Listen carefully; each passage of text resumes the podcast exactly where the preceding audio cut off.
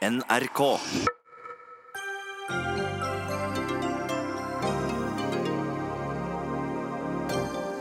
I går var det raseri i Frp over KrFs taxfree-endring. I dag klinte KrF til med sterk kritikk av regjeringen de kanskje skal inn i, mens Arbeiderpartiet og SV vil fremme mistillit over manglende terrorsikring. En ny EU-undersøkelse om miljøgift i fisk bør få umiddelbare konsekvenser for myndighetenes kostholdsråd, altså hvor mye, eller snarere hvor lite fisk vi bør spise, sier forsker. Verdien av den norske kronen er nå rekordlav, som er dårlig nytt for nordmenn i utlandet, men svært godt nytt for industrien. Men hvorfor kronen er så lav, se det er ikke godt å svare på. Og SV, MDG og Rødt mener folk som har bodd lenge i landet ikke skal miste statsborgerskapet sitt, selv om de har løyet seg til det. Niks, svarer Fremskrittspartiet.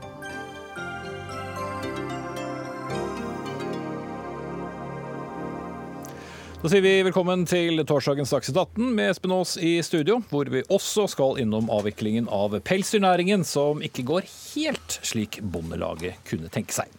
Men aller først til kritikken av regjeringens håndtering av terrorsikring av viktige bygg og kritisk infrastruktur. For Arbeiderpartiet og SV varsler nå mistillit mot regjeringen i saken, mens Kristelig Folkeparti, som etter hvert skal sondere om regjeringsdeltakelse, mener regjeringens svikt i arbeidet med sikring av terror mot terrorangrep er sterkt kritikkverdig og svært alvorlig, sier de, men dropper mistillit og fremmer i stedet såkalt daddelforslag, den sterkeste kritikken som kan komme før mistillit. Daddelforslag er sjeldent, men har skjedd i noen saker. Bakgrunnen er at Riksrevisjonen i flere rapporter har påpekt svikt i regjeringens arbeid med sikring av disse objektene, eh, og etter flere høringer kommer kontrollkomiteen med sin innstilling i saken i neste uke, nærmere bestemt torsdag. Hans Fredrik Røva, parlamentarisk leder, nestleder unnskyld, i KrF. Du og ditt eh, parti foregrep innstillingen og holdt en pressekonferanse klokka to i ettermiddag. Hva innebærer dette daddelforslaget fra dere? Ja, Det innebærer jo, som du antyder, at dette er jo en, en, sterk og en sjelden form for kritikk som Stortinget bruker bare i helt sjeldne tilfeller. Eh, grunnen til at denne saken er blitt da så alvorlig, det er jo fordi at vi nå har to riksrevisjonsrapporter som har understreket regjeringens forsømmelse med tanke på oppfølging av sikkerhetsloven og objektsikkerhetsinstruksen. På et folkelig språk så handler det om å sikre landet mot terror. Og det har ikke regjeringen gjort på en god nok måte. Og ikke minst, de har ikke informert Stortinget godt nok. De har rett og slett holdt tilbake informasjon, sminka bildet. Og dette til sammen gir et bilde på et område som er høyt prioritert av Stortinget, som har vært viktig for regjeringen, som gjør at vi må bruke denne sterke formen. Mm. Og Det er også et hakk opp i forhold til sist gang når vi behandla den saken fra vår side, der vi sa sterk kritikkverdig. Nå er det sterk kritikkverdig og svært alvorlig. Men ifølge kilder i Klassekampen har du snakket med, så skrev du også på en mistillitstekst. Turte du ikke å gå så langt? Vi har i denne saken vurdert alle utfallsrom, fordi vi har sett fra den dagen Riksrevisjonsrapporten kom, så var dette en alvorlig sak. Når vi valgte å konkludere sånn som vi gjorde, så var det fordi at vi opplevde at til tross for denne kritikken, så opplevde vi også en regjering som tok selvkritikk i de høringene vi har hatt. Det har skjedd noen forbedringer på enkeltområder. Og så opplevde vi at det var jo ikke en, en total feilinformasjon. Det var på enkelte punkter som regjeringen ikke hadde informert Stortinget godt nok. Så vi mener at dette var sterkt nok. Og så må vi også se dette litt i lys av 22.07, hvor kritikken var flengende. Men Stortinget valgte likevel ikke å fremme mistillit. Så sett i relasjon, dette er litt mer alvorlig enn forrige gang. Samtidig så mener vi at vi dermed har gitt uttrykk for en adekvat måte å fremme kritikken på, ut ifra sakens karakter og alvorlighetsgrad. Men bare for å ha spurt om det også, spilte det kanskje litt inn at dere skal i noen regjeringssondering? Det har vært litt pussig og vært med på å fremme mistillit til en regjering dere eventuelt skal inn i? Nei, jeg vil bestemt avvise det. Og hvis en ser eh, den kritikken som vi har framført fra rapporten kom i juni og fram til nå, så tror jeg den har vært veldig gjenkjennelig. Vi har vært tydelige, vi har vært skarpe i kritikken, for vi mener at dette har vært en viktig forsømmelse fra regjeringens side. Men vi har ikke blanda den saken med den parlamentariske og politiske situasjonen som har oppstått nå. Vi har prøvd å holde ei, rett linje. Dette handler om folks trygghet og liv og helse. Vi kan ikke forhandle vekk det i sonderinger eller hva det nå måtte være. Dette må vi løfte høyt. Dette betyr noe for den vanlige innbygger i Norge. Mm. Noen som eh, har gått skrittet lenger, er eh, Arbeiderpartiet. Før jeg kommer til deg, Dag Terje Andersen, så skal jeg bare si at vi har invitert Høyre, Fremskrittspartiet og Venstre på alle mulige måter i dag, selv på, på telefon, om de ville kommentere denne saken. De takket pent nei og sa de hadde først mulighet i morgen fredag. Statsminister Erna Solberg har likevel sagt tidligere at de har innrømmet at det var områder der de burde informert eh, mer sammenhengende, helhetlig og kanskje tidligere. Men eh, Dag Terje Andersen, din partileder Jonas Gahr Støre sier i dag at uh, dere hadde ikke noe valg, annet valg enn å fremme mistillit. Hvorfor det? Nei, Det er pga. sakens alvor, som jeg syns eh, Grøvan har beskrevet på en veldig god måte. Men dere er ikke helt enig i kritikken? Jo, jeg, vi er veldig enig i det som sies om sakens alvor, og beskrivelsen av saken. At objektsikringa ikke er på plass at Stortinget har blitt for dårlig informert, dels feilinformert. Mm, men han sier at statsministeren har forklart seg bedre? Jo, men Statsministeren eh, var noe imøtekommende på, i høringa på Stortinget. Eh, det stemmer. Eh, men allikevel så mener altså vi at når det er så åpenbart at det var veldig sterk kritikk til denne saken i fjor, så viser den nye riksrevisjonsrapporten, som vurderer situasjonen på det tidspunktet det var sak i fjor, at heller ikke da ble det gitt et riktig bilde av regjeringa. Vi har jo blitt presentert i høringa for når det gjelder Heimevernets beredskap. Eh, svar fra heimevernssjefen som faktisk ikke stemmer med de hemmelige dokumentene vi har eh, sett. Og summen av den type feilinformasjon, det er altså et ansvar for Stortinget å si ifra. At når Grunnloven sier at Stortinget skal ordentlig informeres, og de skal korrekt informeres, så mener vi vi ikke har noe annet valg enn å foreslå mistillit, når det så åpenbart ikke er til stede. Men og da sier at man ikke har tillit til regjeringen, så ja. det betyr at daddelvedtak som, som Grøvan og KrF da står på, det er for svakt etter deres mening? Ja, men nå, nå er jo, som Grøvan har sagt, eh, noe av det sterkeste daddelvedtaket jeg har sett, som blir foreslått fra Kristelig Folkeparti. Så jeg tror det er en felles forståelse at det ligger tett opp til mistillit, hvis en kan si det på den uh, måten. Men vi mener altså det er riktig å uttrykke det i form av mistillit når manglene og, uh, og feila i informasjon til Stortinget er så åpenbare. Spesielt på bakgrunn av at det er andre året vi behandler denne type sak, og vi hadde tilsvarende sak uh, i fjor. Så spiller det inn òg at i dette studioet har justisministeren sittet og bagatellisert saken. Statsministeren sto i Arendal og påstod at det her gjaldt bare bare politiet og Forsvarets egne bygninger. Og det er alvorlig at en feilinformerer befolkninga, selv om det ikke er en feilinformasjon direkte til Stortinget. Men først og fremst, det understreker den følelsen vi har at det herre blir ikke tatt på tilstrekkelig alvor. Mm. og Derfor mener vi det er riktig med mistillit. Dere sitter altså i samme komité, kontroll- og konsesjonskomiteen på, på, Stortinget, og har jo sånn sett fått den samme, samme informasjonen. Men mm. dere vurderer altså forskjellig, Grøvan? Ja, altså eh, jeg vil jo si at eh, forskjellen her det er noen eh, nyanser som riktignok er viktige. Samtidig så legger vi til grunn at regjeringen rett og slett ikke har fulgt opp det som skulle gjøres. Og så må vi også ta med oss bakteppet her i forhold til hva regjeringen har erkjent av utfordringer med dette her. Og Eh, da er det jo veldig vanskelig å sette liksom akkurat ei grense. Hvor går grensa mellom mistillit og, og, den sterke kritikken som vi har framført?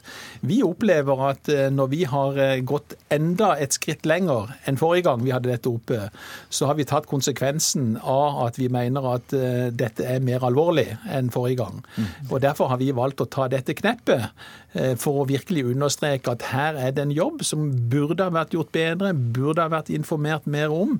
og regjeringen burde hatt et helt annet fokus på dette. og Derfor har vi også bedt nå om en plan fra statsministerens side.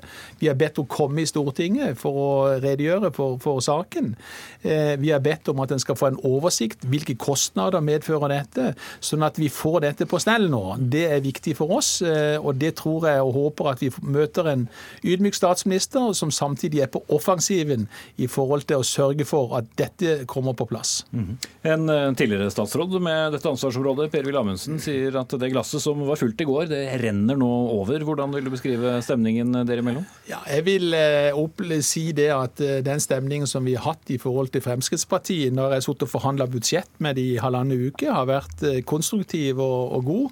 Eh, vi kom fram til et godt budsjett etter jeg tror, begges oppfatninger. Så jeg opplever vel at jeg forstår reaksjonen. Samtidig så vil jeg vel være veldig forundra om ikke også Frp sammen med Høyre kommer med kritikk i denne saken, ut ifra en felles erkjennelse at denne jobben ikke er gjort godt nok. Så jeg føler nok han har tatt litt mye møll og stran når han fyrer av denne salva som han gjorde her. Trygve Slagsvold Vedum, leder av Senterpartiet. Du sa i går at ditt parti også vurderte mistillit mot regjeringen, men sier nå at dere ikke har helt konkludert. Eh, hvor vil du si? Er du nærmere Grøvans daddelvedtak eller Dag Terje Andersens eh, mistillit sammen med, med SV? Nei, Vi har jo gått inn i den saken på det største alvor. for Vi ønsker å styrke politiet i Norge og Forsvaret rundt omkring i, i hele landet. Og så har vi jo først neste uke at saken skal avgis. Så har vi vært tydelige på at det viktigste er hva vi skal gjøre framover. Men at vi vurderer mistillit, og så har vi ikke sluttbehandla det i gruppa. Og Det skal vi da gjøre selvfølgelig i, de, i henhold til de tidsfrister som Stortinget har satt. Og så kom pressekonferansen til Kristelig Folkeparti i dag litt sånn utenom de tidsfristene. og Det er jo deres frihet. Men da vi har likevel lagt en plan for hvordan vi skal behandle det. For det er jo en veldig alvorlig sak.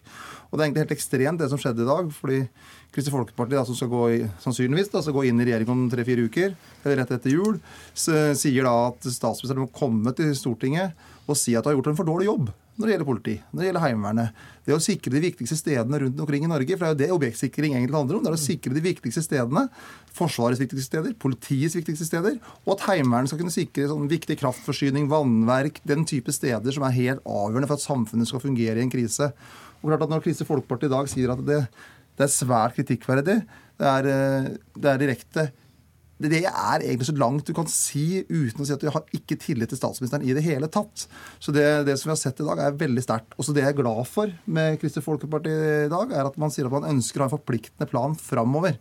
For da vil det bli et flertall for den forpliktende planen framover i Stortinget om at regjeringen må legge fram en plan på hvordan man skal forbedre politiets kapasitet, Heimevernets kapasitet, hvordan man kan sikre de her viktige stedene i Norge på en bedre måte, og at man skal få det da løpet av våren 2019.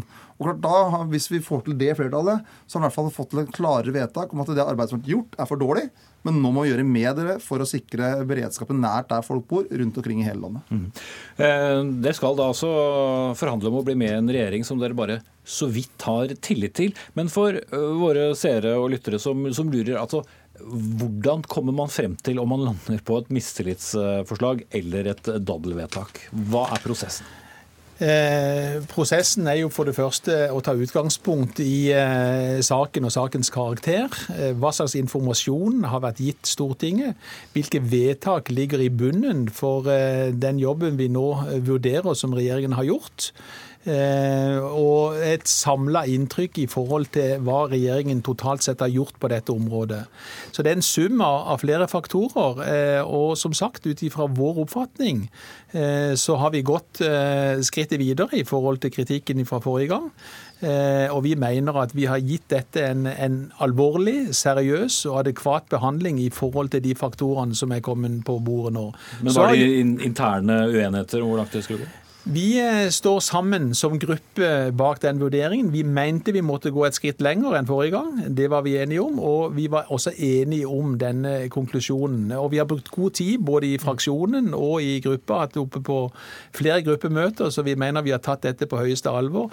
Og vi har holdt denne saken på egen kjøl og vurdert den separat fra alt det andre. For vi ville ikke gamble eh, med det som vi opplever som viktig for folks trygghet og sikkerhet i samfunnet. Og okay, da kunne vi ikke blande det inn i andre ting. Eh, Dag Terje Andersen, eh, i Gjørv-kommisjonens rapport etter 22.07.2011 så kom det jo kraftig kritikk av den rød-grønne regjeringen, og dere fikk vel noe som i hvert fall var i nærheten av et daddelvedtak selv. Men denne, ja, eller i hvert fall sterk kritikk i Stortinget som regjering i, i mars 2013.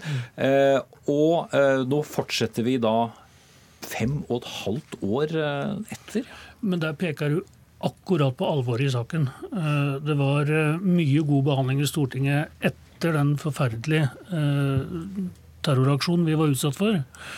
Men òg ble Stortingets arbeid prega av stor grad av enighet den gangen. Det arbeidet ble leda når det gjaldt redegjørelsen fra justisministeren av den særskilte komiteen til Knut Arild Hareide. Eh, og det var et samla storting som var enige om hvordan vi nå skulle gå videre, og at vi måtte ta beredskapen på større alvor. Og det er nettopp i det perspektivet. Eh, nåværende statsminister var jo en av de som faktisk brakte dette temaet inn i valgkampen, og spissa det litt mer politisk enn, det det egentlig var grunnlag for, for det var brei uh, enighet. Hun var, hun var, kritisk til måten som regjeringa hadde fulgt opp på, og det er jo nettopp i det perspektivet. At det er så alvorlig når vi nå, eh, flere år etterpå, ikke ha, ser at saken er fulgt opp på en skikkelig måte. Det var altså et felles uh, grunnlag for uh, Stortinget som ikke er fulgt opp av regjeringa. Mm. Og så kan, jeg, så, så kan, jeg, si det at uh, Mitt inntrykk er òg at Kristelig Folkeparti har behandla det her som den kontrollsaken det er. De har jo kjent det selvfølgelig hva jeg kom til å legge inn som saksordfører om forslag til, forslag til vedtak. Og, og, og, jeg registrerer som Slagsvold Vedum at det Kristelig Folkeparti nå kommer med, er det sterkeste mulig å mm. komme med uten å fremme mistillit. og det okay, bør regjeringa ta på alvor. ha inn Vedum en gang til uh, til slutt her også. Det er en veldig alvorlig tid vi da går inn i? Ja, det er veldig alvorlig. Det blir en veldig alvorlig runde i Stortinget neste, eller om 14 dager. Fordi Det handler jo til sjuende og sist om din og min trygghet i Norge. Og om en vurdering om statsministeren og regjeringen har gjort en god nok jobb. Og Riksrevisjonen har vært... Og ikke en opposisjon som nå driver Nei, tøft spill? Per Christian Foss, da, som er riksrevisor, han har sagt at dette er svært, svært alvorlig. Eh, både når det gjelder situasjonen i politiet og i Heimevernet. Og da et av Kristelig Folkeparti som skal gå inn i regjering, sier at det er svært alvorlig og sterkt kritikkverdig. Så tydeligere kan det ikke sies at nå er det et flertall på Stortinget som syns det er svært alvorlig og sterkt kritikkverdig, og Riksrevisjonen har sagt det i to runder. Så det må bedring til, for det er det viktigste at vi får en bedre beredskap rundt omkring i Norge. Da må jeg si takk til dere. Trygve Slagsvold Vedum, leder av Senterpartiet. Hans Fredrik Grøvan, eh, parlamentarisk nestleder i KrF. Og Dag Terje Andersen, leder av kontroll- og konsesjonskomiteen fra Arbeiderpartiet. Og bare for å ha det gjentatt, vi har altså tilbudt eh, regjeringen å kommentere den saken, også via deres partier på Stortinget, men ingen hadde altså anledning til det. Ei heller på telefon, men tilbød seg å stille i morgen. Men vi gir oss ikke helt her, for eh, Hege Ulstein, kommentator i Dagsavisen, og Lars Nehru Sand, politisk kommentator i NRK, er eh, kommet eh, i studio. Hege Ulstein i Dagsavisen, dere har jo en leder i papirutgaven i avisen i morgen som handler om at Grøvan og KrF ikke turte å ta det siste steget. Ja, Det er jo det som i realiteten har skjedd. Hvis vi hører på hva Grøvan sier og har sagt lenge, helt siden han begynte behandlingen av denne saken, og som han akkurat satt her og sa nå for under et minutt siden, så er det jo ingen tvil om at han eh, ser alvoret i denne saken. Han sier rett ut at regjeringen ikke har eh, evnet å beskytte landets befolkning godt nok mot terror, og at liv og helse er i fare. Og at regjeringen ikke har snakket sannferdig om sin egen svikt til Stortinget om det. Eh, sånn at eh, på alle de punktene så tror jeg vi ser at Grøvan beskriver et, et veldig, veldig alvor i denne saken. Og når han da trekker den konklusjonen at det ikke gir mistillit, så, så, tror jeg alle ser at det handler om noe annet enn sakens alvor. Det handler om den politiske situasjonen og at KrF forbereder seg på å gå inn i den regjeringen. Mm. Ja, for Lars Nehru sa de kunne vel ikke gått sammen med resten av opposisjonen og fremmet mistillit mot den regjeringen du skulle gå inn i?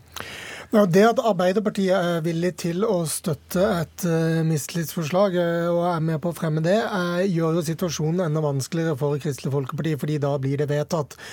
Da kan man ikke, som Grøvan nok samvittighetsfullt uvilliggjort, han er den eneste representanten som har sittet i kontrollkomiteen begge periodene nå og, og fulgt denne saken virkelig fra A til Å, og satt seg godt inn i, i alle detaljer. Det at han nok isolert sett kunne hatt lyst til å fremme et mistillitsforslag og, og, fått med seg Kristelig Folkepartis gruppe på det. Det skifter også eh, konsekvens, ikke bare ved at KrF skal inn og, og forhandle med regjeringen, men også ved at Arbeiderpartiet støtter det, sånn at det ville fått flertall. Og Da måtte Erna Solberg eh, komme til Stortinget og, og, i realiteten risikert å gå av. Nå er det mistillitsforslaget som, som opposisjonen fremmer, likevel sånn uttrykt at, at man vil imøtekomme en, en uh, beklagelse fra statsministeren dersom hun kommer med det i stortingssalen. Og det er utelukkende en, en ydmykende uh, Eller for å ydmyke statsministeren, at man setter henne i den situasjonen. Fra Arbeiderpartiets side og, og da flere partier. Mm. Hege Ulstein, som jeg nevnte i foregående sak, så har jo bl.a. Willy Amundsen sagt at det fulle begeret fra i går har nå rent over, og det er en irritasjon over Kristelig Folkeparti. Men de kunne vel heller ikke la være å si hva de mente i denne saken, og i hvert fall gå så langt som de da kunne uten å fremme mistillit? Det ville jo vært uh, veldig rart uh, hvis de skulle gjort det. Uh, det er et veldig alvor i denne saken som, som jeg Og jeg tror alle hører at Grøvan tar inn over seg og ser, og at KrF ser, og som opposisjonen også ser. Bakteppet her er jo 22.07, som, som politikerne var inne på. Og det var jo etter at norske ungdommer ble skutt på i over en time og drept, mens politiet gjorde tabbe etter tabbe etter tabbe. Og de eh, funnene som Gjørv-kommisjonen gjorde i sin rapport, som førte til at man satte i gang dette arbeidet. Så det ligger jo et veldig dypt alvor i denne saken.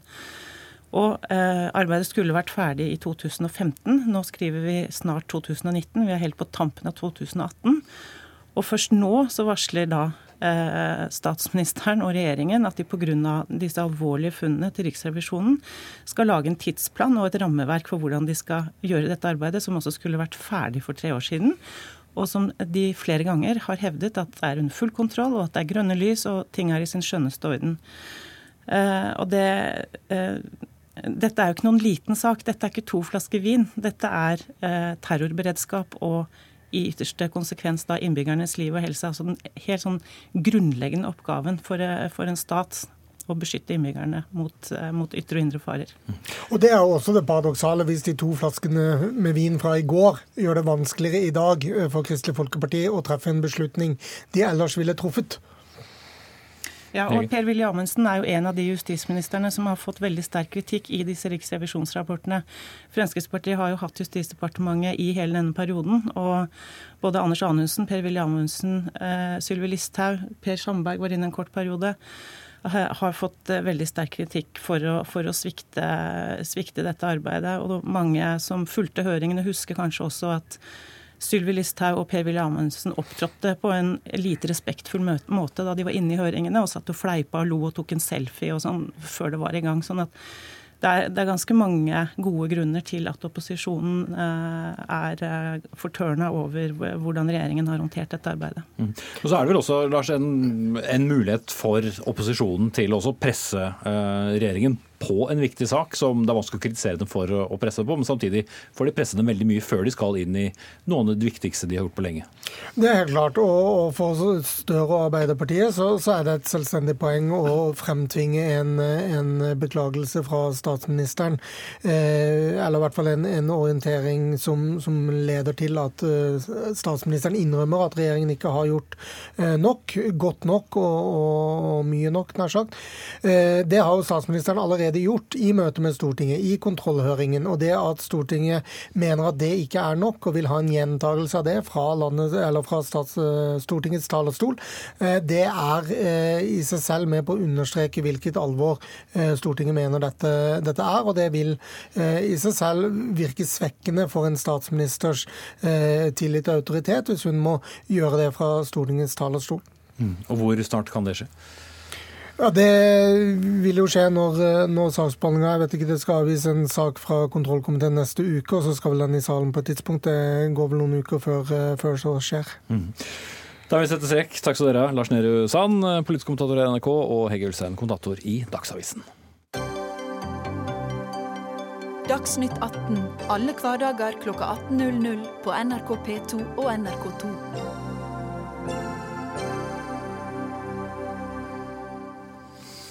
Vi skal eh, forflytte vår oppmerksomhet til eh, de mange middagsbordene rundt omkring i de tusen hjem. En ny EU-rapport slår nemlig fast at miljøgiftene i mat er farligere enn det vi har trodd. Og det kan få konsekvenser for norske myndigheters anbefalinger. EUs mattrygghetsorgan, EFSA, kom for to dager siden med en risikovurdering av miljøgiftene dioksin og dioksinlignende PCB og mulige helseskader. Norske myndigheter vil nå se på hva dette betyr, og ber om en utredning der risikoen måles opp mot mot helsegevinstene ved å spise nettopp fisk. Men Merete Eggesbø til daglig forsker ved Folkehelseinstituttet, men vi understreker at du i denne debatten representerer deg selv, men er ikke fullt en fagperson innenfor området. Du har tidligere kritisert norske myndigheters anbefalinger når det gjelder nettopp fisk, og denne rapporten endrer vel da kanskje ikke ditt syn? Nei, det er helt riktig. Um, mitt ståsted har jo vært at vi i studie på studie over veldig mange år nå har sett at barn blir syke i Norge pga. at de blir utsatt for for høye nivåer av miljøgifter. Og når vi da vet at det er fisken som er hovedkilden til disse miljøgiftene, så er det for meg i hvert fall veldig rett frem å se at eh, befolkningen må spise mindre fisk og marine produkter, og ikke mer. Mm. Men hvor skadelig er det da, hvis du skal forsøke å forklare å, spise fisk? Eh? Altså det, er, det er et veldig stort spørsmål. Det de har funnet her i EFSA-rapporten, her har de jo bare sett på én type miljøgifter, nemlig de dioksinlignende. Dioksin og dioksinlignende miljøgifter. Uh, og her ser de at hvis man overskrider det nye tåleinntaket, så vil uh, unge menn ha problemer med å være fruktbare for barn fordi sædkvaliteten blir for dårlig. Uh, det går utover skjoldbruskkjertelen. det går utover tannhelsen.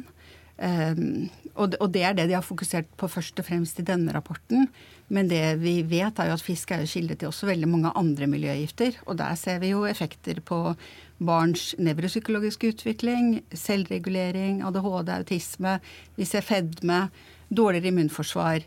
En hel rekke ulike skadelige effekter av miljøgifter i fisk. Men for å forsøke å konkretisere dette ut fra denne rapporten, hvor mye bør man da, eller hvor mye lite kanskje, bør man spise fisk for å være på den sikre siden?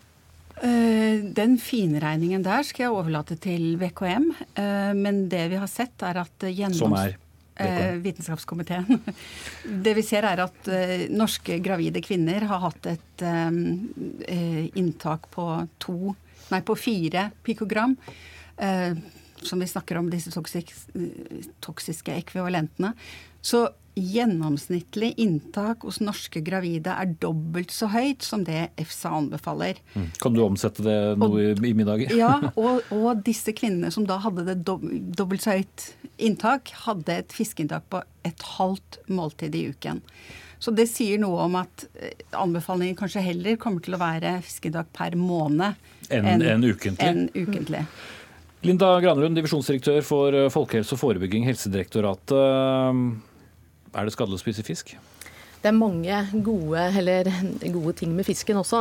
Ja, det, det sånn blir også nevnt her. Det blir, ja, ikke sant? Så først og fremst så vil jeg si at vi som nasjonale helsemyndigheter har jo sett fram til å få denne rapporten. Dette er en veldig viktig rapport for oss. Dette er en rapport som er en risikovurdering, som vi kaller det. Den ser da på risikoen i forhold til en rekke negative helseutfall, og spesielt med fokus på disse dioksinlignende PCB-ene. Eh, det som er viktig for oss nå, når vi gir råd til hele befolkningen og til utsatte grupper, som det her har vært innom, er at vi ser da den risikovurderingen opp mot nyttevurderingen. Fordi at Det er nevnt her noen negative effekter av fisk, men det er også veldig mange positive effekter av fisk. Veldig negativt hvis man mister forplantningsevnen? Eh, ja, ikke sant. Sånn at, men i denne rapporten vi nå har fått, som er på sånn ca. 350 sider, som jeg fikk for to dager siden, eh, så, og det sier seg selv at jeg ikke da har fått finlest den, den ser jo da på risikoeffektene effektene. Den har ikke veid den, de effektene opp mot de helsegevinstene vi kjenner fra før av. Og Det er det viktig for oss å få gjort før vi kan, gjøre, kan, kan vurdere om dette får noe utslag for de gjeldende kostrådene.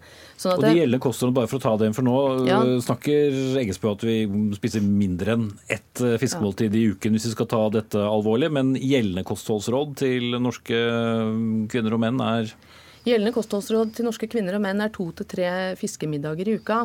Og så er det litt viktig å presisere at eh, dette er en rapport som ser på miljøgifter i matvarer og i fôr. Hvor det helt klart kommer frem at fisken, den fete fisken bidrar med mest. Men det peker også som på fete, laks og ørret, ja. Som type laks og ørret. Men det peker også på fete meieriprodukter og fete kjøttprodukter. Eh, sånn det, eh, og vi ser at de landene som også spiser lite fisk, der vil man også overstige det nye ukentlige inntaket som er anbefalt, selv om man da har et lavt fiskeinntak. Sånn at fisken, Det er viktig å, å vurdere fiskeinntaket, men det er også viktig å se på de andre tingene. Det er viktig for oss når vi skal se på kostrådene våre opp mot dette. Mm. Jeg må spørre deg, Eggesbø, spiser du fisk selv? ja, jeg spiser fisk, men ikke to til tre ganger i uken. Um, jeg har lyst til å understreke at når vi har studier på fiskeinntak og ser på helseeffekter i befolkningen, så er jo det summen av de gode og negative sidene. Det er jo ikke bare miljøgiftene vi ser på da. Så når vi nå i studie på studie i den norske befolkningen har sett at et høyt fiskeinntak øker risikoen for at barna ikke kan gjøre seg forstått, eh, øker risikoen for ADHD, øker risikoen for fedme, så er det Jeg lurer på hva disse veldig positive helseeffektene skal være som magisk skal kunne eliminere alle disse negative effektene vi ser. Mm, ja, og, og, jeg vil understreke at vi syns det er veldig viktig med denne rapporten. Og vi vil jo nå, sammen med Mattilsynet, be om en nytte-risikovurdering fra Vitenskapskomiteen. Sånn at eh, vi kan ikke Vi underslår ikke dette. Dette er absolutt kunnskap vi trenger. Så det kan men, komme nye kostholdsråd som følge av dette? Men det må også være man må også skjønne at det, som myndigheter som gir råd til hele befolkningen, som jobber vitenskapelig, så kan ikke vi endre kostrådene våre på to dager basert på en rapport som vi nesten ikke har rukket å lese. Nei, Det skjønner sånn jeg, men når dere har gjennomgått, det det er poeng, så kan det godt hende at det kommer nye kostholdsråd fra dere? Eh, vi vil jo vurdere da kostholdsrådene våre opp mot den nytte-risikovurderingen vi får fra Vitenskapskomiteen, helt klart. Og det gjør vi hele tiden. Når det kommer ny dokumentasjon, så vil vi se det opp mot den dokumentasjonen vi har, og se om det er er behov for å endre. Mm. For ny dokumentasjon, det er nettopp hva dette er? Dette og andre studier som også eh, vi og Eggesbø har diskutert tidligere, det er ny dokumentasjon som vi må se da opp mot den andre dokumentasjonen vi har. Og Det er ikke noe prestisje for oss i at man ikke skal endre kostråd, men vi må bare se på helheten her. Veie de gunstige effektene opp mot de ugunstige, og se hva bør man da anbefale til hele befolkningen og til de spesielt utsatte gruppene. Nå sitter det sikkert mange hjemme og lurer på, meg selv inkludert, og alle fiskemiddager jeg har servert eh, mine barn eh, opp gjennom årene om eh, man bør begynne å ta nye forholdsregler? Og bør man tenke på hva slags fisk man spiser? For det er jo også forskjell her på hvilke fisker som har flere miljøgifter osv. Nå hører det jo til bildet at de fleste i Norge spiser veldig lite fisk. Vi vet jo at kjøttinntaket er ganske høyt, og vi ønsker jo å redusere på det.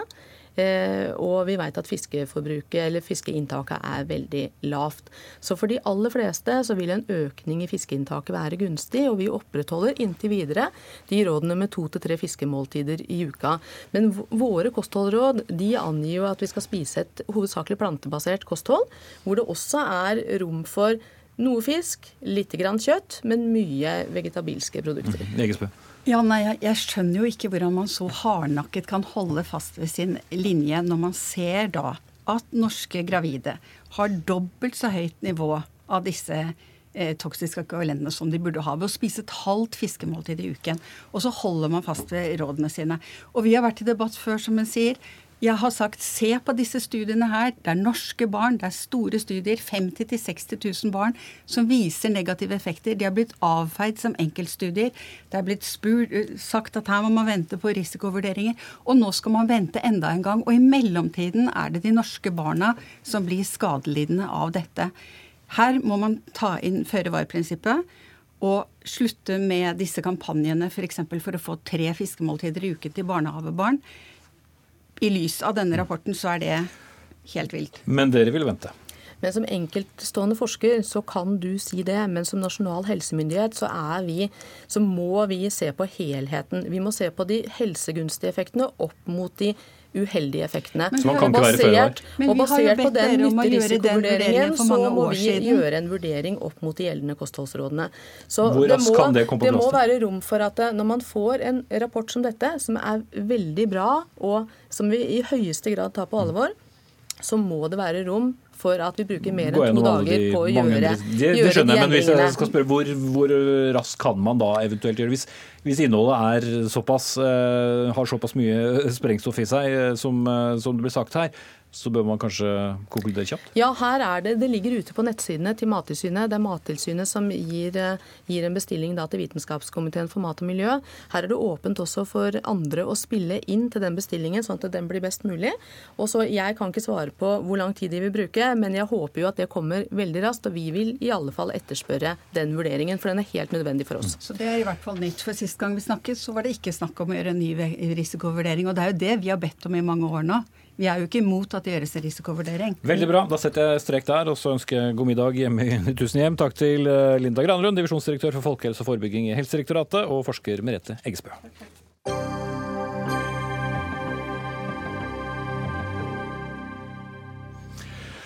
Dollaren den eh, nærmer seg nå ni kroner. Euroen nærmer seg ti, og til tross for all uroen rundt brexit, så koster pundet rundt 11 kroner. Den norske kronen er veldig svak om dagen, dermed koster det å være norsk turist i utlandet. Men eksportindustrien har derimot veldig gode tider. Det er billig å kjøpe norsk fra utlandet. Men hvorfor er kronen så svak?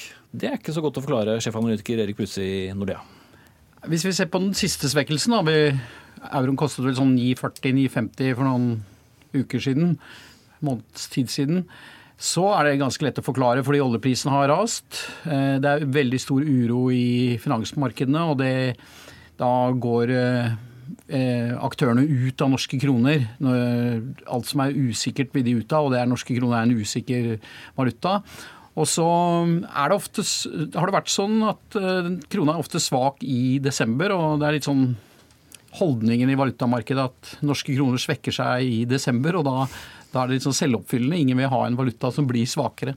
Så, så Men det, det blir, bare, blir, bare, syklisk svakere ja, det, i desember? Jeg tror det er mer tilfeldige grunner til at vi har hatt eh, noen desember med svak krone, og så begynner det å bli sånn selvoppfyllende men, eh, men, jeg tror nok hovedforklaringen er at oljeprisen har falt. Det er, det er dårligere utsikter for norsk økonomi. altså enn det var. Den var 80, nå er den 65. Det, det er nok den viktigste forklaringen til at krona har svekket seg i det siste. Mm. Men den har jo vært eh, svak eh, ganske lenge. Cecilie Lange Becker, økonomikommentator her i NRK. Men gjør det noe? Ja, det kommer jo litt an på det, om du har tenkt deg eh, på reise til utlandet og bruke mye penger der, eller om du jobber i norsk industri. For det er jo litt sånn som du sier, at, eh, at når norske turister eh, gråter over en svak krone, så jubler jo industrien. Og for industrien er det jo helt fantastisk med denne svake kronen. fordi da er det jo Det, det har jo veldig positiv effekt for, for varene de eksporterer. Men samtidig så er det jo sånn at det er jo litt mer sammensatt nå i en en global verden, hvor man importerer jo også en del av de innsatsvarene i de produktene vi eh, eksporterer ut igjen her. Og mange, ofte så er, går jo produktene inn, eh, altså frem og tilbake over grensen eh, flere ganger. Og det er jo litt sånn, Vi har jo hatt en svak krone veldig lenge nå, og, det har vært kanskje litt vanskelig å forklare. og Man tenker jo at på et eller annet tidspunkt så skal vi tilbake til en eller annen slags uh, underforstått kanskje likevekt eller normalpris for kronen. Man tenker at én uh, dollar den koster jo seks kroner, og en euro koster åtte kroner. Men det er ikke sikkert at vi kanskje skal tilbake til, uh, til, det nivået. Det er ganske lenge siden vi har sett de nivåene også. Og det er jo Man kan jo kanskje Vanligvis så hvis det var en likevekt i markedet, så ville jo en del andre forhold på en måte presset valutakursen tilbake dit den skal. Men vi har jo ikke sett de utslagene i den generelle økonomien. Så eh, kanskje man har hatt et litt for tradisjonelt syn, litt mer sånn skoleboksyn på hvordan valutakursen skal utvikle seg. Og kanskje er et mer normalnivå for kronen nå eh, på åtte kroner for en eh, dollar og mer ti kroner for en euro. Mm. Men Brusse, det har jo også litt å si, for i en periode hvor vi slet eh, med inflasjon, så var det jo det at en sterk krone fikk jo da eh, påvirkning for prisene på ting vi importerte. Men nå går det litt andre veien, hvor ting ikke er så billig å importere. Og jo dyre ting er i butikken, jo påvirker det forbruksmønsteret vårt osv. Så, videre, så det henger sammen. Ja, det gjør det. Men uh, nå vil jeg si at uh, krona uh, akkurat nå er den litt svak. Den har vært ganske stabil de siste årene. Vi fikk en kjempesmell når oljeprisen falt i 2014. Da gikk krona før oljeprisfallet, da var vi jo under 8 kroner. Så har vi gått sakte, men sikkert svakere. Men nå har den vært sånn noenlunde stabil de siste årene. Så, så den der effekten av at ting ble så veldig dyre, den er litt bak oss. Nå er det sånn noenlunde nøytralt for, for, for, varene vi kjøper. Men eh, jeg tror at eh, det er gode grunner til at krona er svak. Eh, og som jeg sa, Den siste svekkelsen er lett å forklare. Er, vi, vi, var i en veldig spesiell situasjon tilbake i 2014-2013. Da var Norge annerledeslandet. Oljeprisen var høy. Alt så veldig bra ut for dette landet og så dårlig ut for andre land. Pga. finanskrisen? Ja. Og nå er vi en mer normal økonomi, og vi skal ha en svakere krone. Men fortsatt syns jeg 9,50 eller 9,70 er, eh, er uforståelig svakt, vil jeg si. Så svak krone Jeg ville iallfall ikke gjettet på det for et år siden. Hvis noen sa oljeprisen er 60-70 dollar fatet, Norges Bank setter opp rentene, så ville jeg nok ikke eh, gjettet på så svak krone som vi har nå. Nei, for det er litt rart. For med en gang en sentralbank begynner å sette opp eh, renten, og kanskje for all del hurtigere enn andre, så vil det også få en påvirkning. For da kan det være en god gevinst å investere i den valutaen. Nå tror dere at vi får tre renteøkninger neste år, men er dette allerede prist inn, eller kan vi se en sterkere kronekurs? Nei, Som jeg sa, så, så for det første ville jeg spådd sterkere krone for et år siden hvis jeg så for meg at Norges Bank, som ja, den andre sentralbanken i Europa, Bank of England også satte på rentene, før eh, sentralbanken i Europa, før svenske Riksbanken, så ville jeg spådd en sterkere krone. Jeg, og jeg holder fortsatt på at hvis Norges Bank setter opp tre ganger, som jeg tror neste år, at eh, krona skal gå sterkere. Men det er litt som du sa, at eh, det er, det er, nok et annet marked, og jeg tror liksom ikke vi skal tilbake til åtte, men kanskje nærmere ni, litt under ni mm, kroner. Mm, mot, uh, mot uh, euroen. Mot euro, sorry. Eh, Cecilie Lange Bekker, det er jo mye uro generelt, ofte på høsten det også for all del, men det har vært mye svingninger i aksjemarkedet, ikke minst uh, denne uken. Påvirker det også finansmarkedene? Ja, helt klart. Og det er jo litt som vi, var inne på her, at, det, at, når markedene er utrygge, så er jo eh, en, en, økonomi som den norske, et valutamarked som den norske Den norske kronen er jo en bitte liten valuta sånn i verdenssammenheng. Ja, da vil investorene fly til det vi kaller trygge havner. Eh, dollaren, som er en en veldig stor valuta sammenlignet med den norske. Så det er klart at det påvirkes vi jo veldig av. Og den norske kronen er, vil jo nest, nesten alltid få en, en, uheldig effekt av usikre markeder. Mm. Så kom det en, eller nok en, for kanskje si, OECD-rapport i går var det vel, som uttrykte bekymring i tillegg for det norske boligmarkedet midt oppi alle disse tingene. Bør vi være bekymret over at de er litt bekymret over boligmarkedet? Altså, norske boligpriser har økt mye, og de har økt mye i forhold til inntekt. Eh, men eh, nå ser jo ting veldig bra ut for norsk økonomi. Fikk eh, tall i dag som viser at oljeselskapene kommer til å investere massivt i Nordsjøen. Det er bra for norske bedrifter. Industribedriftene i Norge sier at de kommer til å investere masse. De er kjempepositive på framtiden. Det kommer til å gå bra i Norge. Og i en økonomi som går bra, arbeidsledigheten faller, folk får eh, bedre lønn, så er det vanskelig for å tro at boligprisene skal falle. Det, det skjer i en situasjon hvor, hvor, ting ser mye dystre ut, hvor arbeidsledigheten øker. Mm. Så kort til slutt, eh, Lange Bekker. Eh, det største problemet er egentlig hvis du skal ut på tur og handle i utlandet? Ja, og da er det vel kanskje ikke så veldig synd på oss. Hvis vi har råd til å dra på tur til London og, eller New York eller, eller hvor det er, så, så, må man kanskje tenke at vi har, vi har, råd til å betale de ekstra kronene. Og så får vi heller være glad for at eh, f.eks. eksportindustrien uh, nyter godt av denne svakere kronen. Og på det poenget så sier vi takk til dere, eh, økonomikommentator Cecilie Langebekker her i NRK og sjefanalytiker Erik Bruse i Nordea.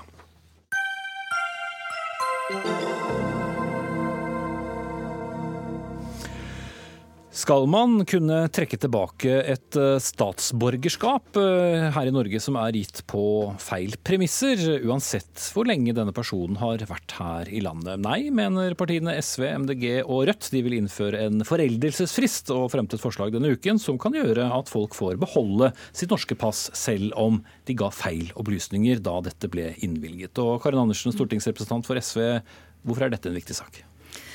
Jo, når vi vedtok denne loven, så eh, ble det gitt en åpning for at hvis du oppgir feil opplysninger, så skal du kunne miste statsborgerskap. Og det er alle enig i.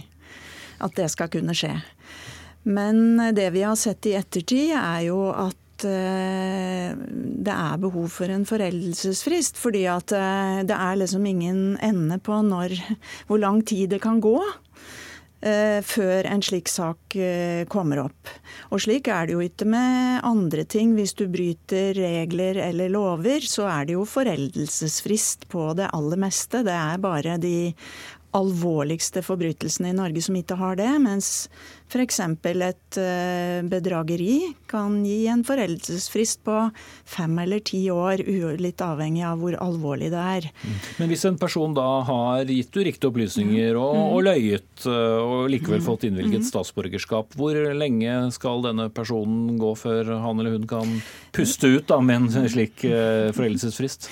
Nei, Vi har ikke foreslått noe, eh, noe årstall eller noe, noe, antall år. Og Det er fordi vi ønsker å diskutere det med de andre partiene. Men det jeg synes er viktig å si også er at når du får statsborgerskap, så er du gjennom ganske mange søknadsrunder med mange forskjellige tillatelser. Og det er viktig at myndighetene da gjør en grundig og god jobb, slik at det er riktig når det blir innvilga. Og hvis myndighetene da også har bidratt til å gjøre en feil, så må det også tillegges vekt. Altså at man da ikke kan eh, lastes noen av partene for det i 20-25-30 år etterpå. Og vi har jo nå bestemt at disse sakene her de skal gå for domstol. Og vi har også fått flertall i Stortinget for å avskaffe det jeg kaller arvesynden, nemlig at hvis faren din har gjort dette, og du er født og oppvokst i Norge og kanskje til og med har fått unger sjøl, så skulle det kunne virke for i flere generasjoner framover. Så det er behov her for å gi de som har vært her lenge, også ro, og ikke behandle dette noe strengere enn alvorlige straffesaker. Jon Helgheim, eh, stortingsrepresentant for Fremskrittspartiet og innvandringspolitisk salgsperson. Vi har eh, foreldelsesfrist på så alvorlige ting som drap. Hvorfor ikke ha det på statsborgerskap? Altså, dette føyer seg inn i en lang rekke forslag fra SV, hvor de hele tiden skal se på nye muligheter for å la ulovlige innvandrere, folk som har juksa seg til opphold, jo, jo, få lov til å bli. Eh, og det gir et signal utad eh, og utenfor landets grenser om at eh, hvis du kommer til Norge, finner på en historie, får opphold på feil grunnlag, så er det bare å holde på den løgnen lenge nok, og så vil du få bli. Men du skal vel ljuge i så fall ganske godt da, før du får innvilget ja, statsborgerskap? Det vet vi at uh, juks på asyl uh, i Norge er meget utbredt, og det må vi slå veldig hardt ned på. Det er store kostnader å eh, ta imot mennesker som vi ikke skulle tatt imot. Og en annen ting, det går utover noen andre. De som ikke har penger til å betale for falske dokumenter, betale for en falsk historie og betale menneskesmuglere, de sitter igjen og har ikke noe mulighet til å komme til Norge. Det er kanskje de som trenger hjelp. Mens SV her gang på gang prøver å finne nye hjelpemetoder for å hjelpe de som har så, juksa ja, og bløffa seg. Så, så uansett, selv om man har vært her i 20 år, har jobb, betaler skatt og er en del av lokalsamfunnet, hvis man skulle i et gitt tilfelle finne en, en feil ved, ved grunnlaget, så mener du Takk for oss. Så lenge man har juksa seg til opphold i Norge, så skal man aldri føle seg trygg. Mm, Karin Andersen. Nei, og det sier jo litt om Fremskrittspartiets holdning. Det er jo det er mange ting man kunne si om det Helgheim nå sier. Hvis det hadde vært sånn at eh, Fremskrittspartiet ville at de som hadde det aller vanskeligst skulle komme hit, så kunne de jo tatt imot flere kvoteflyktninger, f.eks. Men det, nei, nå, er det, nå er det jeg som har ordet. Uh, og det jeg sier er at det skal ikke være uh, Det er ikke greit å jukse. Du skal kunne miste statsborgerskapet på grunnlag av det. Men skal det være avhengig av alvorlighetsgraden? eller hvordan? Nei, det må settes en strek på tid, sånn som vi gjør på andre forbrytelser. Og det mener jeg er rimelig. Vi gjør det på alvorlige forbrytelser. Og det handler også om at vi mener at folk som kommer hit, skal lære seg norsk, bidra i samfunnet, få seg jobb, være gode foreldre for eh, klassekameratene til unga dine, være gode naboer for meg. Og det som jeg ser nå, jeg får mye henvendelser på det fra folk som nå ikke har gjort noe gærent, men de er livredde. Eh, de er kjemperedde. Og det som er, det som er vanskelig med disse sakene òg, er at hvis du liksom skal vente i 25-30 år, så er det jo veldig vanskelig å finne bevis, finne vitner vitner, finne papirer, finne jo, arkiver i andre land. Nei, man gjør selvfølgelig ikke det. og Det er rart at eh, SV her prøver å vri ansvaret over på norske myndigheter og si at folk som ikke har gjort noe galt, går rundt og frykter noe. Har de ikke gjort noe galt, har de ikke bløffa, har de ikke juksa, så har du ingenting å frykte. Men, Men hvor er stort er problemet i dag, da? Hvor mange er det vi sender uh... Nei, Der er det nok store mørketall. Og hvor stort problemet egentlig er, er det nok ingen som kan svare på. Men akkurat nå så ligger det over 800 saker til behandling som, som SV nå har fått satt på vent fordi de ønsker ikke at vi skal avdekke juks. De ønsker at flest mulig av de som ikke har noe grunnlag for opphold i Norge, skal få bli. Det uh, viser dem i mange forskjellige forslag som de har kommet med. Ja, vi holder oss til dette forslaget nå. Det er rett og slett usant det som blir sagt nå. Vi vil at disse sakene skal kunne føres for en domstol med ordentlige bevis. Og vi mener at det skal være mulig å miste statsborgerskapet hvis du har oppgitt feil, men det må være en foreldelsesfrist på disse sakene, sånn som det er på andre saker. Og det er det også når det offentlige gjør det. Og jeg er litt overraska. Nå har Fremskrittspartiet sittet og hatt ansvaret for dette feltet i fem og et halvt år. Og Betyr det da at man har en forvaltning og styrer dette på en slik måte at man gir statsborgerskap til mange som ikke skulle hatt det. Det, kan det syns jeg er veldig alvorlig hvis det skjer. For vi er opptatt av at den prosessen fram til statsborgerskap skal være så god. Ok, nå skal at man unngår dette. Selvfølgelig vil jo alle at den prosessen skal være så god som mulig. Men i all offentlig forvaltning så er det rom for at noen vil svindle, noen vil jukse. Det klarer man ikke alltid å avdekke med en gang. Veldig ofte så blir juks avdekka i ettertid. Men det signalet SV prøver å gi ut nå, det er at eh, du skal ikke jukse. Det er det menige, det sier de. Det er bra. Men så sier de hvis du bare jukser lenge nok, så skal du få lov til å beholde ja, de rettighetene. gang, da, men han- Nei, men hvis, hvis du holder på løgnen lenge nok, så skal du få lov til å beholde den rettigheten som du har fått på feil grunnlag. Det mener jeg er grunnleggende feil signal å gi, og det vil ha store økonomiske konsekvenser, men også store samfunnsmessige konsekvenser dersom vi bidrar til å undergrave asylinstituttet på den måten. Og det er under press fra før. Og det, jeg forundres gang på gang over alle de forslagene og den omsorgen som SV har for grunnløse asylsøkere, folk som har juksa, folk som ikke har noe her å gjøre. Nå må de begynne å konsentrere seg om de som virkelig trenger hjelp. Og det uh, syns jeg er okay, rart at et der, parti som eh, SV ikke gjør. Der eh, skjønner jeg at vi ikke kommer så mye lenger med dere. Og tiden er også ute. Jon Helgheim fra Fremskrittspartiet og Karin Andersen fra SV. Hør Dagsnytt 18 når du vil. Radio NRK NO.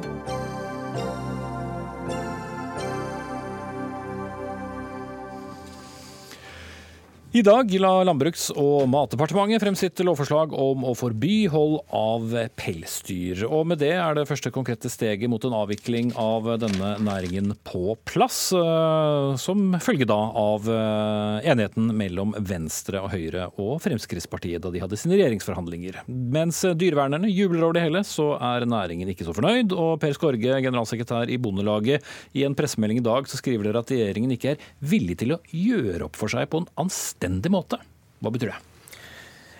Nei, det er et bærende prinsipp i, i det norske samfunnet om at eh, når staten eh, enten erverver seg eiendom eller rettigheter, eh, så, så gjør man opp for seg. Og Det handler jo både om å kompensere for investeringer og framtidig inntektstap. Så hva hadde du forventet i den Og her eh, kommer man altså overhodet ikke inn på det å, å kompensere for framtidig inntektstap, og det er svært skuffende.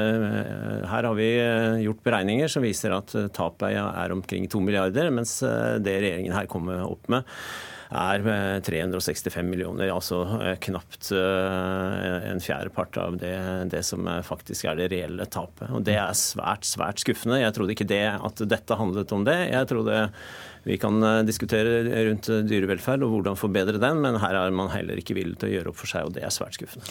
Guri Melby, stortingsrepresentant for Venstre, det var jo dere som uh, sto bak og, og fikk gjennom denne saken eh, på, på under disse Jeløya-forhandlingene. Eh, vil dere bare avvikle og ikke gjøre opp for dere? Eh, nei, altså Venstre har jo veldig lenge kjempa for en, eh, et forbud mot hold av pelsdyr, fordi at vi mener det ikke er forenlig med Ja, det, det vet vi, men eh, kritikken fra Ja. Bondelaget. Eh, og For oss har det vært viktig å ha en god eh, ordning som sikrer at man får avvikla næringa på en måte som både ivaretar dyrevelferd, men som også ivaretar pelsdyrbøndene her. Eh, og det mener jeg at vi har.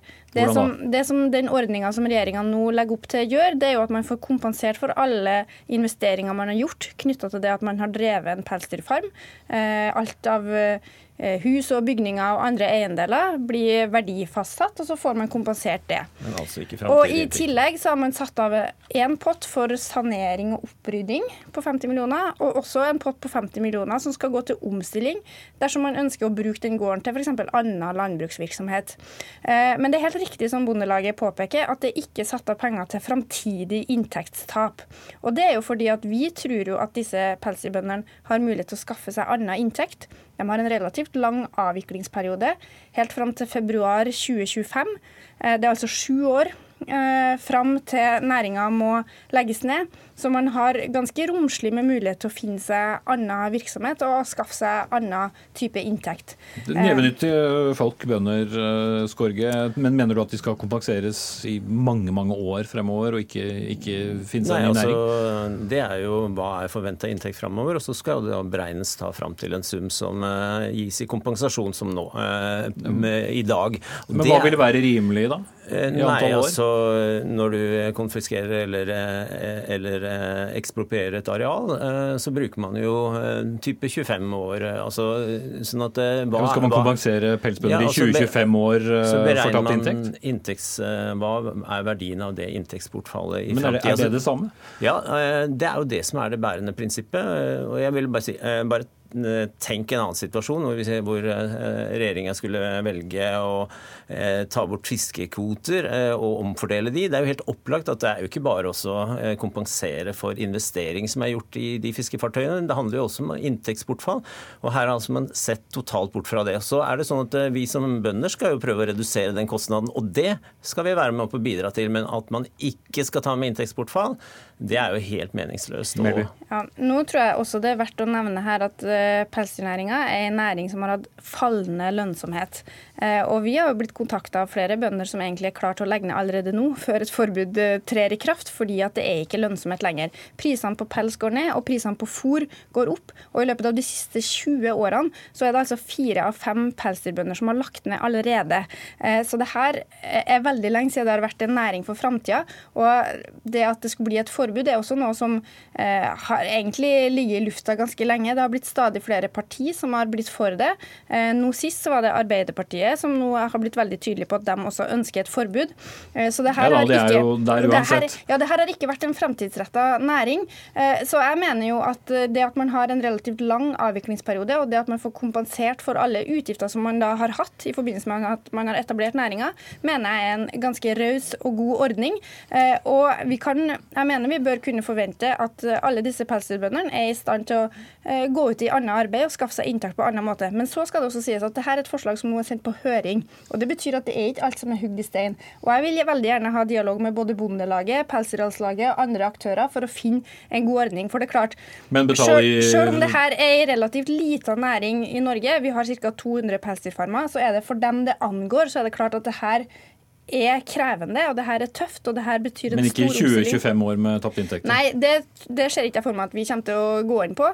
Eh, Det mener jeg vil være eh, helt feil. Og jeg tror de fleste næringsaktører i Norge tror jeg også må innse at man innimellom er nødt til å tilpasse seg endra rammevilkår. Og det, det at vi tar hensyn til dyrevelferd er et viktig samfunnshensyn. Dette er testa av Lovavdelinga mot Grunnloven, og at dette er, har, vi, har vi full mulighet til å gjøre. Eh, Men, men Skorge, det har jo vært store omstillinger i Norge før innenfor industrien. Hvorfor skulle ikke det kunne gå med Men 200 dette er jo helt, helt unikt. Vi har jo aldri hatt etablering av et næringsforbud av en lovlig næring tidligere. Så dette er jo helt unikt. Og da må man jo bygge på de eh, bærende prinsippene i, i dette landet. Og så er det sånn at eh, når det gjelder dyrevelferd, jeg hører jo at det blir eh, trukket fram, så er jo vi er jo også på det området helt unike i norsk eh, pelsdyrhold. Ja, Den debatten har vi tatt mange ganger. Jeg tror vi skal holde oss til denne, denne saken. Ja, og, ja, og Hvis jeg kan si litt om prosessen. Her blir sagt at det kort, stadig, stadig flere er Men altså, det er jo sånn at to av tre partier i regjeringa gjorde jo så seint som i 2017 et vedtak om en bærekraftig utvikling og videreføring av pelsdyrnæringa. Og med KrF som nå vurderer regjeringsdeltakelse, så er det altså tre av fire partier. Du er omkamp? Eh, Ja, og jeg setter min lit til de, at de tre partiene uh, står ved det som de sa før valget Frykter du i det, 2017. Melur? Nei, jeg håper jo at både Bondelaget, Pelsdyralslaget og andre nå innser at den, eh, det blir et forbud mot pelsdyrhold i Norge. Og jeg håper at de heller kan samarbeide med oss om hvordan vi skal få gjennomført en kompensasjonsordning på en god måte, i stedet for å kjempe mot det. For den slaget håper jeg forhåpentligvis er tapt. Du kunne ikke sette så- helt opp. er Nei, det får du ikke tid til. Sorry, Guri Melby, stortingsrepresentant for Venstre. Per Skorge, generalsekretær i Bondelaget. Vår tid er eh, omme. Da er det mye snakk i eh, nyhetene etter Aftenpostens avsløringer om eh, partienes pengebruk når det gjelder fest og moro. Partiene har ikke vært så glade i å uttale seg, men skru på debatten på NRK1 i kveld med kollega Fredrik Solvang, så kommer partiene ditt og skal svare for pengebruken sin. Dagens 18 er ved veis ende. Anne Katrine Førli hadde ansvaret for den. Frode Thorshaug tok seg av teknikken. Her i studio, Espen Aas. Vi ses i morgen.